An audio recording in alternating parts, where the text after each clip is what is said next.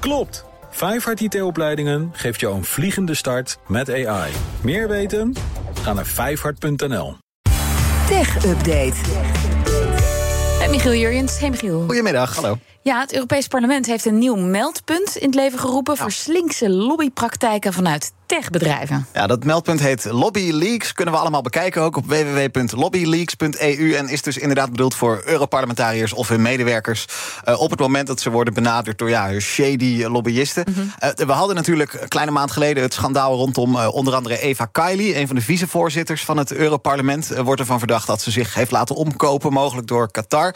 Maar de directe aanleiding voor dit meldpunt zijn de lobbypraktijken in Brussel en ook Straatsburg. van ja, de grote techbedrijven die proberen proberen invloed te houden op strengere EU-wetgeving voor nou ja, bijvoorbeeld sociale mediaplatforms. Ja, ik herinner me nog een geval van Uber. Ja, precies. En het is ja, vanuit hun perspectief ook wel begrijpelijk. Maar het gebeurt op manieren die niet helemaal in de haak zijn. Bijvoorbeeld door zich achter organisaties te verschuilen die zeggen dat ze lobbyen namens ja, kleine bedrijven of start-ups. Maar later blijkt dat dan, dat dan gewoon Google of Meta was. Heel klein bedrijfje, heel klein start-upje. Ja, precies. Nou, initiatiefnemer van dit alles is Paul Tang van de PvdA. Die heeft het over ja, wolven in schaapskleren. Maar als je dan iets meldt hè, bij dat meldpunt, wat gebeurt er dan met die klachten? Ja, dat is ook een beetje mijn vraag bij dit alles. Het klinkt logisch hè, om zoiets in te stellen, maar wat gebeurt er dan? Nou, LobbyLeaks zelf zegt het gaat vooral om het inventariseren van hoe vaak dit nou voorkomt. Er kan ook vanuit LobbyLeaks een officiële klacht worden ingediend bij het Europees Parlement. Maar ja, de praktijk zal dan altijd moeten ja. uitwijzen wat er vervolgens gebeurt. Nou, ja. Interessant om zoiets, zo'n klacht te volgen. Ja. De CEO's van Apple en Google hebben een bijzondere brief gekregen van een Amerikaanse senator. Ja, die brief komt van Michael Bennett, senator uit Colorado namens de Democraten. Zijn brief is persoonlijk gericht aan Tim Cook van Apple en Oh. aan Sundar Pichai, de hoogste baas van Google. Ik citeer even een klein stukje. Eh, Beste meneer Cook, beste meneer Pichai, ik schrijf u met grote bezorgdheid over de aanwezigheid van TikTok in de App Store en de Google Play Store. Want daar gaat het maar weer eens om, TikTok. Eh, meneer Bennett die zegt, ja, die app in zijn huidige vorm is een onacceptabele bedreiging voor de nationale veiligheid in Amerika. Wijst daarbij op ByteDance, het moederbedrijf dat aan de Chinese wet moet voldoen en daarom data van buitenlandse gebruikers op verzoek moet kunnen overhandigen. Uh, hij haalt ook een spionagezaak aan waarbij journalisten van onder andere BuzzFeed actief werden gevolgd door medewerkers van ByteDance. Nou, zo gaat dat drie A4'tjes door, al zijn zorgen erover, maar hij sluit af met een verzoek. Hij zegt, beste meneer Cook, uh, beste meneer Puchai, verwijder TikTok per direct uit de App Store en de Google Play Store. Opvallend, opvallend genoeg mag de Amerikaanse overheid ook dan weer bij Google en Apple data opvragen. Ja.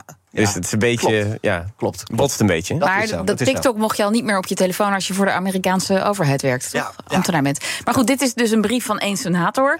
Ja. die kunnen ze natuurlijk op de stapel, een hele grote stapel ongelezen brieven leggen. Ze zullen wel meer brieven krijgen. En ja, ze gaan ook niet zomaar die app verwijderen. Het is wel een zoveelste voorbeeld van ja, toch die druk vanuit de Amerikaanse overheid om TikTok ja, het liefst helemaal in de band te doen. We hadden drie jaar geleden Donald Trump al wilde dat TikTok door een Amerikaans bedrijf zou worden overgenomen. Eh, inmiddels in de helft van de staten inderdaad mogen ambtenaren de app niet meer op hun telefoon hebben. Dat waren eerst vooral staten waar de Republikeinen de baas zijn. Maar daar komen nu ook steeds meer democratische staten bij. En dat vind ik ook wel opvallend hieraan.